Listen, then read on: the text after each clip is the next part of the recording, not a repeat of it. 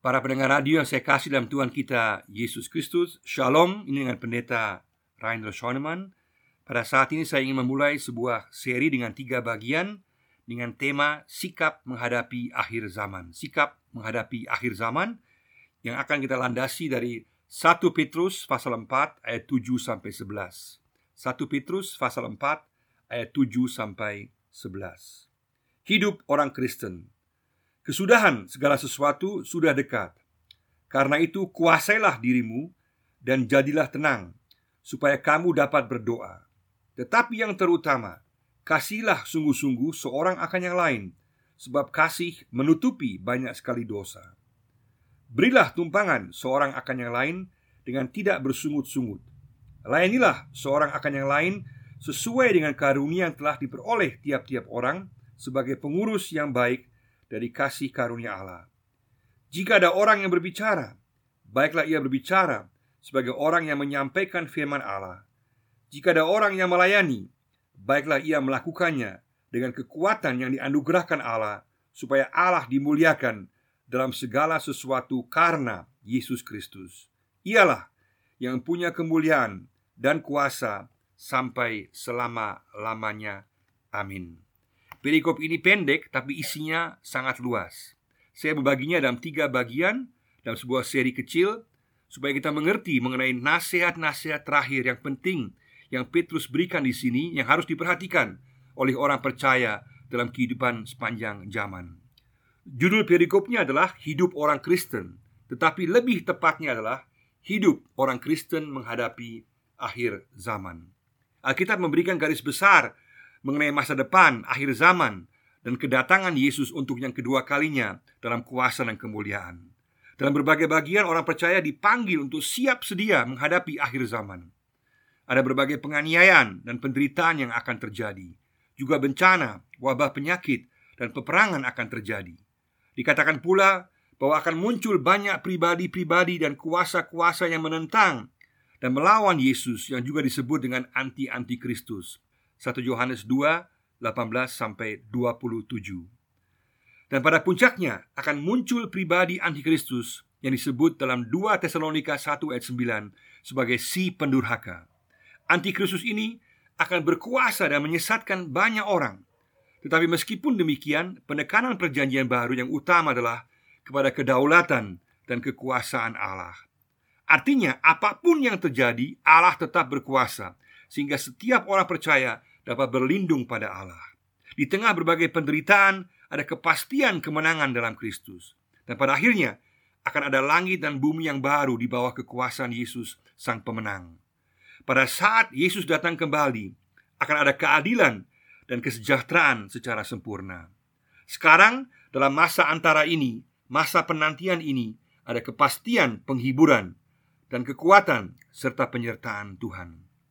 Secara praktis, yang penting untuk masa penantian ini adalah sikap penyerahan diri yang terus-menerus dan siap dan tidak terkejut atau kaget menghadapi akhir zaman. Secara pribadi selalu memperhitungkan kedatangan Yesus yang bisa terjadi setiap saat. Dalam persekutuan orang percaya adalah penting untuk hidup dalam kasih satu dengan yang lainnya. Dan semua orang percaya dipanggil untuk terlibat dalam pelayanan. Yesus berkata, bahwa barang siapa bertahan sampai akhir, dia akan diselamatkan. Matius 10 ayat 22, juga Wahyu 2 ayat 26, Markus 13 ayat 13. 1 Korintus 10 ayat 11 dan juga pasal 15 ayat 24. Ini berarti mutu keberadaan kerohanian, kesaksian, dan pelayanan orang percaya dan gereja secara keseluruhan harus selalu memperhatikan penilaian Allah. Karena penilaian Allah yang menentukan bukan penilaian sukses manusiawi atau diri sendiri.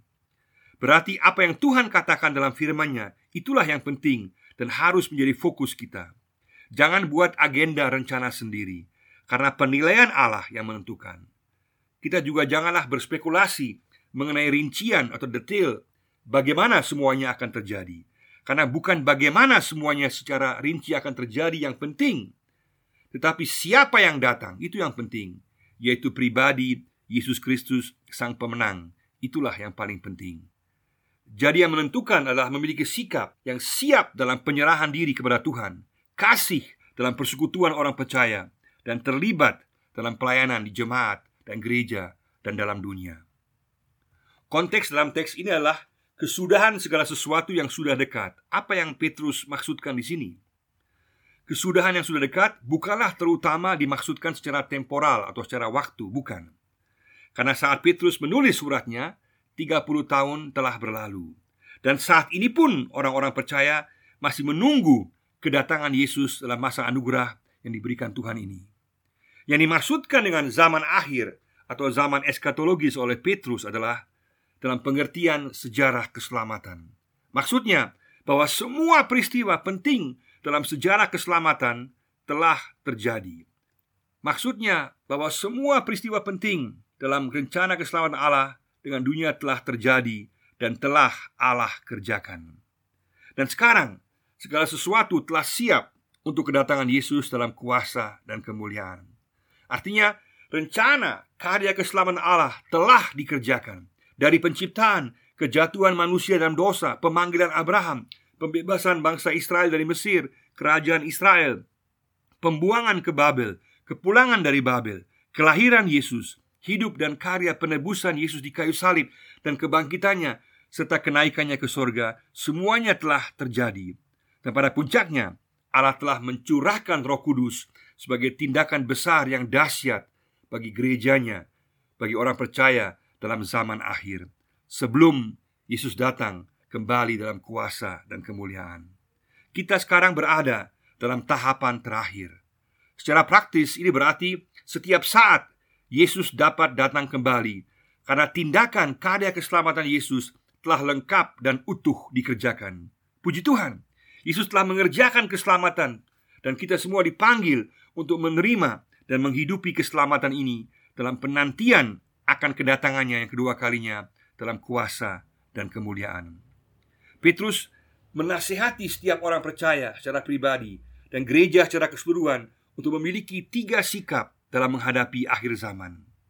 Nasihat-nasihat Petrus ini dapat dibagi dalam tiga bagian. Bagian pertama, sikap dalam kehidupan rohani pribadi ayat 7. Yang kedua, sikap dalam persekutuan orang percaya ayat 8 dan 9. Dan ketiga, sikap dalam pelayanan dalam jemaat dan di dalam dunia ayat 10 dan 11. Dalam bagian pertama seri ini saya akan menekankan dan menjelaskan dan membahas sikap dalam kehidupan rohani pribadi. Sikap dalam kehidupan rohani pribadi ayatnya yang ketujuh. Di sini dikatakan kesudahan segala sesuatu sudah dekat, karena itu kuasailah dirimu. Jadilah tenang supaya kamu dapat berdoa. Petrus memberikan penekanan kepada sikap dalam kehidupan rohani pribadi.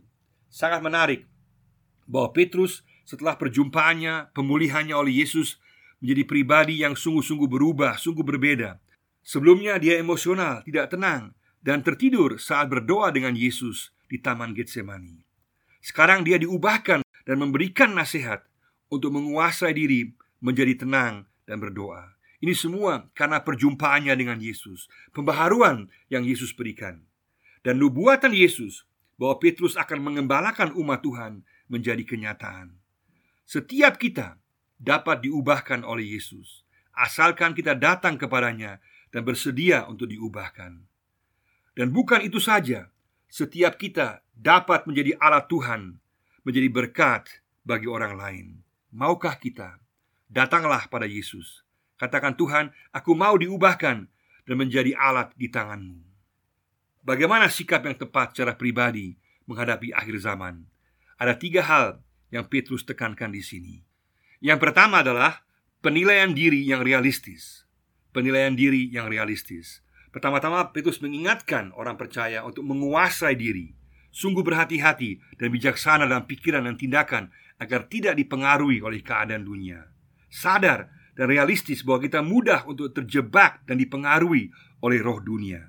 Dalam 1 Petrus pasal 4 ayat 2 sampai 4, sebelumnya Petrus menjelaskan berbagai praktek perbuatan dosa yang harus dihindari. Hal yang sama juga Paulus tekankan dalam Roma 12 ayat 3 supaya kita jangan menjadi serupa dengan dunia ini. Sikap sadar dan realistis adalah sebuah proses sumur hidup dan orang percaya tidak boleh menjadi lengah. Artinya, orang percaya harus selalu hidup dalam kondisi siaga satu, karena keadaan dunia di akhir zaman akan semakin penuh kekacauan, keegoisan, kepentingan diri sendiri, orientasi pada materi, posisi, kekayaan, pengaruh, kebencian, iri hati, kekerasan, mencintai diri sendiri, mencari kesenangan sesaat dalam segala sisi kehidupan, dan bahkan melawan Tuhan, serta menyalahgunakan agama dan ibadah untuk kepentingan diri dan golongan. Dalam semua hal ini, orang percaya harus siaga satu dan bijaksana. Petrus ingatkan untuk bersikap realistis, karena setiap orang percaya bisa terjebak dan jatuh ke dalam perangkap roh dunia. Kita dipanggil untuk realistis terhadap diri kita sendiri dan jangan menilai diri kita lebih daripada orang lain. Dalam 1 Korintus 10 ayat 12, Paulus menasihati, sebab itu siapa yang menyangka bahwa ia teguh berdiri, hati-hatilah supaya jangan jatuh. Tiap kita perlu sadar akan kelemahan kita dan ancaman yang ada dan berhati-hati menguasai diri dan bijaksana. Dan untuk itu, kita harus menjaga hubungan pribadi kita dengan Tuhan Yesus mengembangkan kehidupan rohani pribadi lewat pujian, pembacaan firman Tuhan, berdoa, dan membaca buku-buku rohani yang dapat membantu pertumbuhan rohani kita. Pada saat gagal, langsung kembali kepada Yesus, meminta pengampunannya, dan berorientasi kembali kepadanya. Kita perlu suatu sikap tahu diri yang realistis dan kesadaran diri akan ketergantungan kepada Tuhan, sekaligus tidak angkuh atau menghakimi orang lain tetapi menghargai orang lain. Semua ini hanya mungkin jika kita berorientasi pada firman Tuhan. Kalau kesungguhan membaca dan merenungkan firman Tuhan mulai hilang, maka suatu kekeringan rohani akan terjadi. Dan lebih parah lagi, kedagingan manusiawi dengan segala keangkuhan dan kelicikannya akan mulai muncul.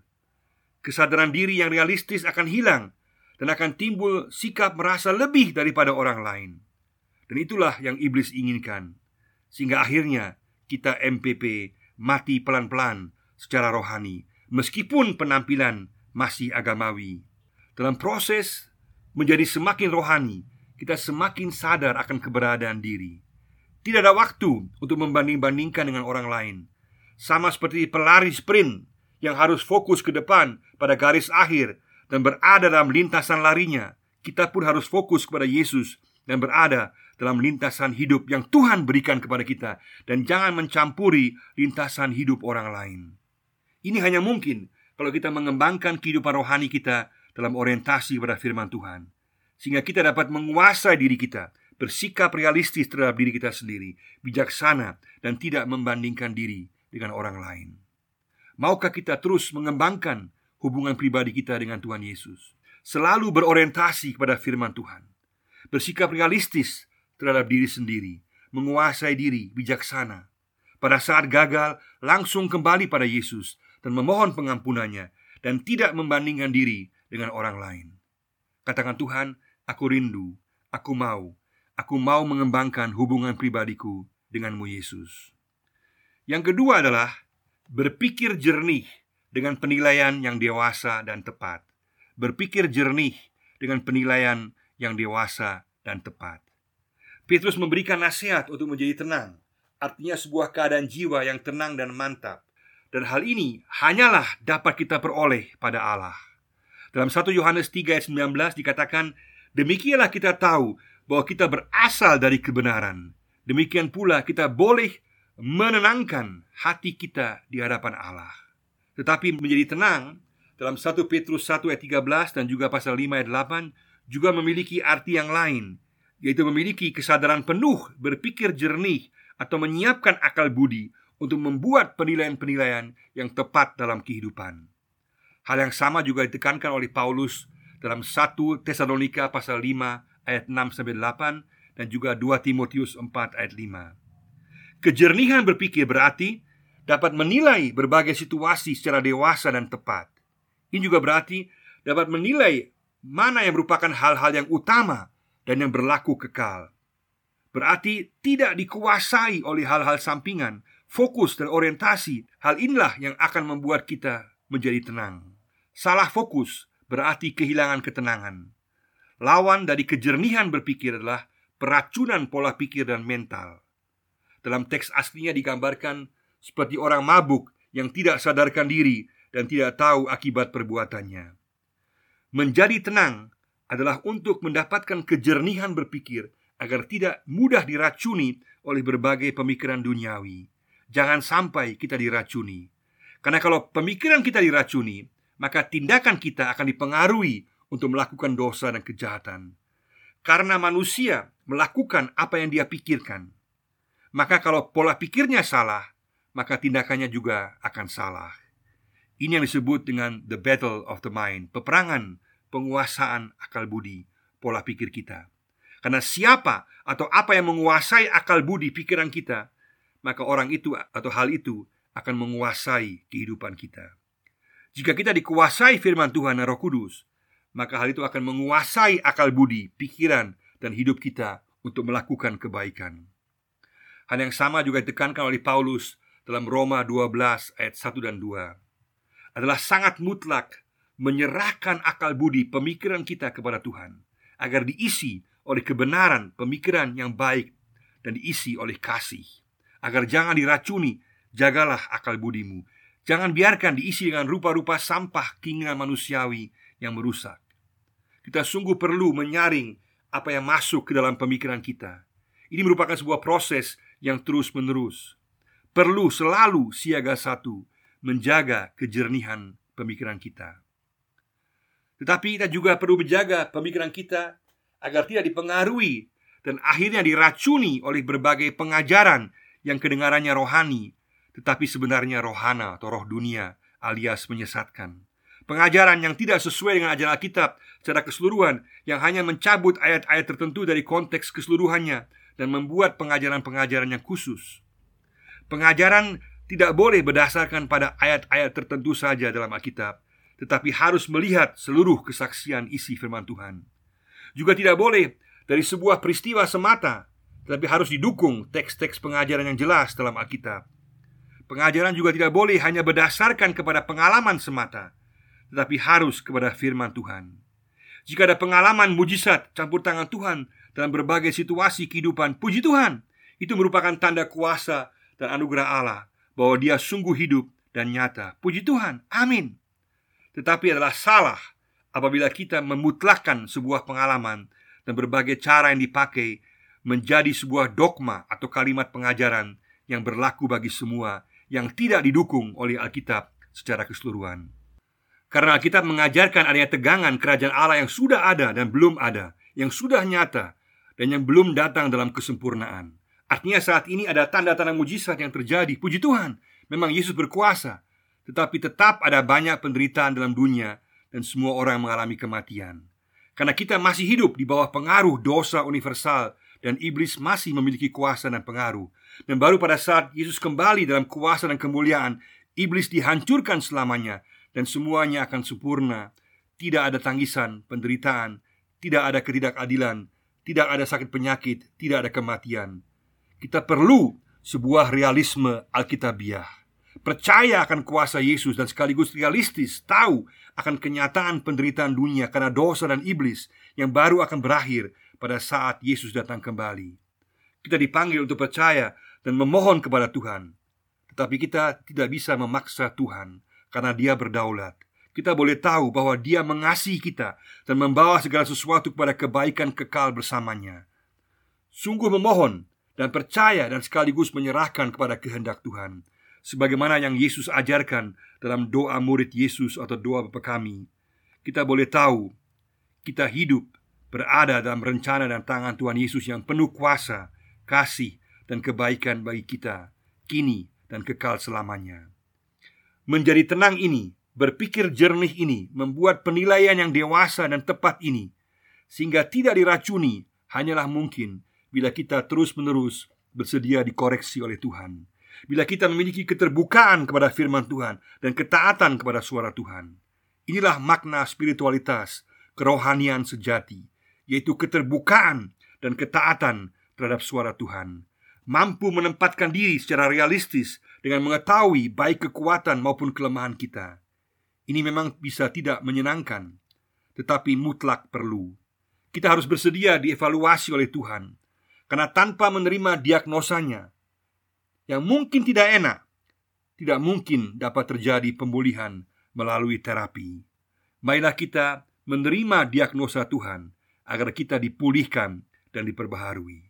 Kalau kita tidak bersedia selalu dikoreksi oleh firman Tuhan dan hikmat Roh Kudus, maka kita dapat terjebak dalam pemikiran yang salah, tindakan yang salah, dan pola pelayanan yang salah. Kita bahkan bisa menjadi kebal terhadap peringatan-peringatannya, dan ini akhirnya berdampak negatif terhadap pribadi dan pelayanan kita. Sangatlah penting untuk kita ingat bahwa yang Tuhan inginkan dari kita pertama-tama adalah diri kita dan baru kemudian pelayanan kita. Sekali lagi, yang Tuhan inginkan dari kita pertama-tama adalah diri kita dan baru kemudian pelayanan kita. Jangan diputarbalikan. Kalau dunia selalu mendewakan penampilan luar, maka Yesus pertama-tama menilai hati kita apakah kita mengasihinya, berserah dan taat kepadanya. Maukah kita datang kepada Tuhan dan menjadi tenang di hadapannya? Maukah kita mengisi akal budi pikiran kita dengan firman-Nya supaya kita dapat berpikir jernih dan membuat penilaian yang dewasa dan tepat? Maukah kita menolak semua jenis pemikiran duniawi dan pengajaran yang salah yang mau meracuni akal budi pikiran kita? Bersediakah kita dianalisa, didiagnosa oleh Tuhan meskipun tidak enak, tetapi agar kita dipulihkan dan diperbarui. Maukah kita? Bersediakah kita? Yang ketiga adalah kehidupan doa, kehidupan doa. Ungkapan supaya kamu dapat berdoa bukan berarti sekedar berdoa, tetapi berarti agar kita berdoa dengan lebih efektif dan lebih tepat sasaran. Jadi dalam ketenangan, dalam pengetahuan akan firman Tuhan dan dunia sekitar kita, dalam penilaian secara dewasa, kita bisa menilainya secara tepat dan efektif. Sungguh mencari untuk mengerti cara pandang dan kehendak Allah dalam segala situasi. Dengan begitu, doa adalah nafas kehidupan Kristiani. Ini berarti dalam penyerahan kepada Tuhan, meminta kepada Tuhan kekuatan dan bimbingan dalam segala situasi yang bahkan sedemikian jahat sekalipun.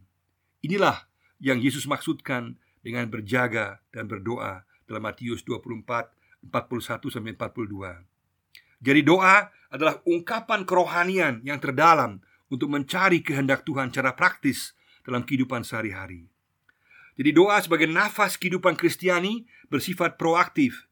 Jadi bukan baru pada saat ada masalah, terkejut, putus asa, atau ada pergumulan baru berdoa.